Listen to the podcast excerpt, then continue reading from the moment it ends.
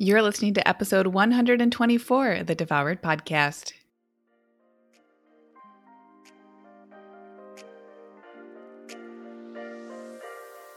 Welcome to Devoured, the podcast for women ready to release the title of Dieter for Good. I'm your host, Lucia Hawley, and I'm a certified nutritional therapy practitioner with my master's in social work, clinical mental health.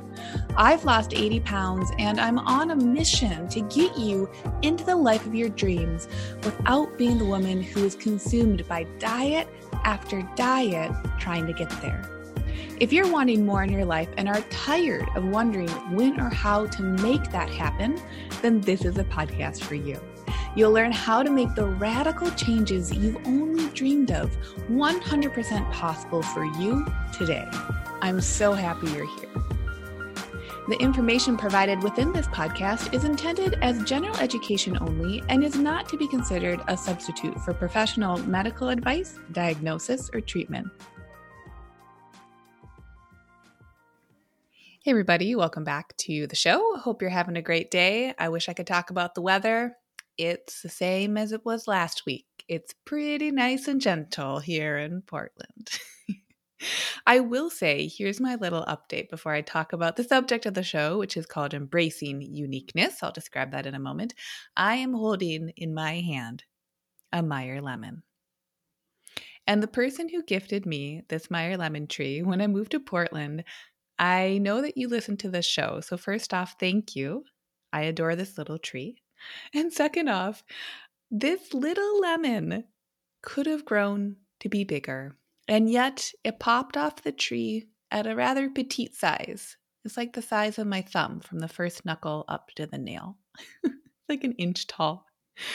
And it's perfectly perfect in its own way. And I didn't think that that would somehow tie into the subject of the show, but look, it did. I'm embracing the uniqueness of this little lemon. I'm going to cut it open once I'm done here in my office. I'm going to run downstairs, grab a little knife, cut it open, and basically just smell it. I think half of the beauty of Meyer lemons is for sure the juice is a little bit sweeter or less pure acid than a conventional lemon, but also I think a lot of the beauty is just in the smell of the oils in the skin. So I'm going to love up on this little lemon.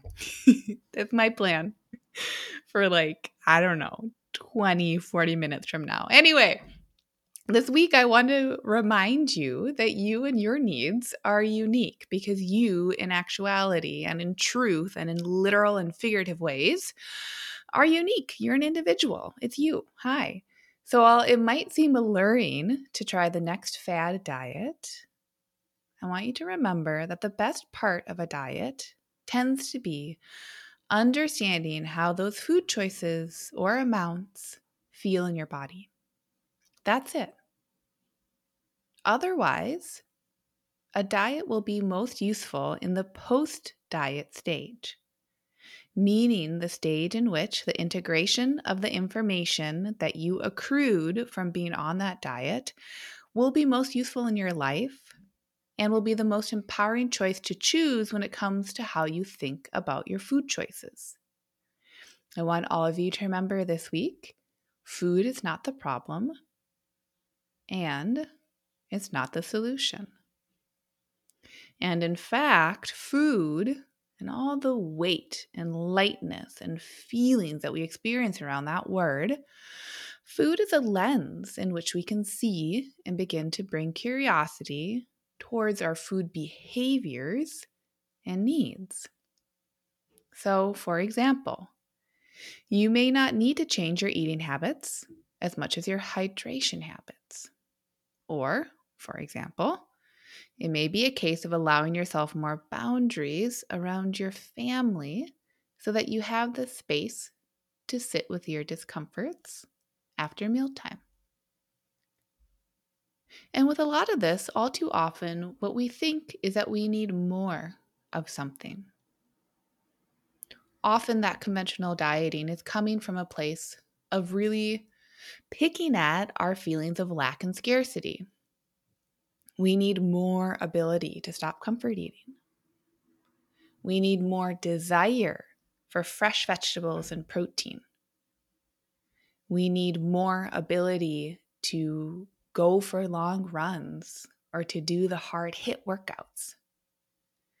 And so this week, I want you to be embracing your uniqueness and remember and get curious, two of my favorite words.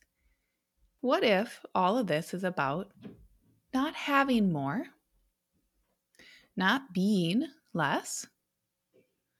What if all of this can simply be? And so, what if this is about being yourself? And if it feels more comfortable or safe to think about it in this way, what if it's about being more of yourself? Not because there's less of you right now. That's coming from that place of scarcity. There's less of me. I need more of me. Ah. What if instead it's about finding the proof and creating the evidence that you are whole and complete in this very moment? Not tomorrow, just now. What happens when you embrace yourself in the moment? Inevitably, what will happen is that you'll be embracing your uniqueness. Because, yeah, you and your needs are unique. And that's a radically beautiful thing. Having that radical acceptance of our unique needs flies in the face of feeling that we are in scarcity, that we don't have enough, that we're not doing enough, that we will never be enough until a certain metric or goal or insert blank into whatever is been scratching your itch in that realm that we aren't the thing until we have the thing or are doing the thing I want us to flip that on its head this week because that's where a lot of the freedom comes from. It's like if we're searching around, you know what? Think of in Alice in Wonderland. You remember that scene where there's like the little kind of dog broom creature and it's clearing the path and it, it can't see that Alice is like standing there and it just keeps clearing the path because that's what it's focused on that's good and fine. If we're Alice or if we're someone else, we're watching the movie, we could have all sorts of thoughts and judgments on what that dog should be doing. dog creature, broom creature, what it should be doing. It might not, though, because it has its own uniqueness and it gets to do exactly what it wants to do. So if it never wants to look up from the path that it's creating as it's brushing and walking along, it has every right to do so. We have that same right no matter how many choices we're making consciously or subconsciously or a mixture of both. We're all creating a path that we're just scrubbing along day in, day out. It's why in previous episodes, you hear me talk about a theme of consistency. We never know what a new choice is going to show us or create for us unless we can show up to it consistently. And part of that consistency is the thoughts that bring us to that choice. Do we show up to an action begrudgingly? Do we hide from a recommendation? Do we try something and then duck out and then try again and then duck out? Whatever we're doing day to day might not matter so much, but what we do day in, day out over time, week to week, that's what we're creating in our lives. So, if we'd like to, if we start to embrace our uniqueness, remember that food is not the problem and it's not the solution in keeping, we're probably going to find that we can come back into ourselves. We are not wrong.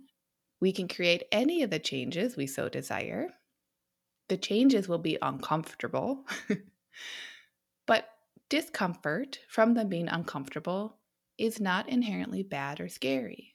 And our brains might default to labeling change as that because our brains are trying to keep us safe from a place of loving and security. a lot of what we talk about on here is trying to show ourselves and create that proof both ahead of time and then in the moment, in the present moment, of showing ourselves we can do hard things. And hard things are not bad things. And there are hard things that we can choose to stop doing, like low calorie dieting. And there are hard things that we can start doing, like feeding ourselves the nourishing foods that we want, not that society wants us to want. That's what a lot of this process is. And so when I say embracing uniqueness, your uniqueness might be your own physiological needs or your own emotional needs or a combination of both. Your uniqueness might mean that you have certain circumstances or environments that you're in that are different than other people. What if those don't have to be bad? What if, when we experience negative feelings around those, the negative feelings simply get to be just like the positive feelings get to be? And by the embrace of the negative, we open up the opportunity for the positive. What if we think about our food, our nutrition, our plates, our palates, our appetites from that perspective this week? When you embrace your uniqueness, what happens in the moment? Try it this week and let's find out.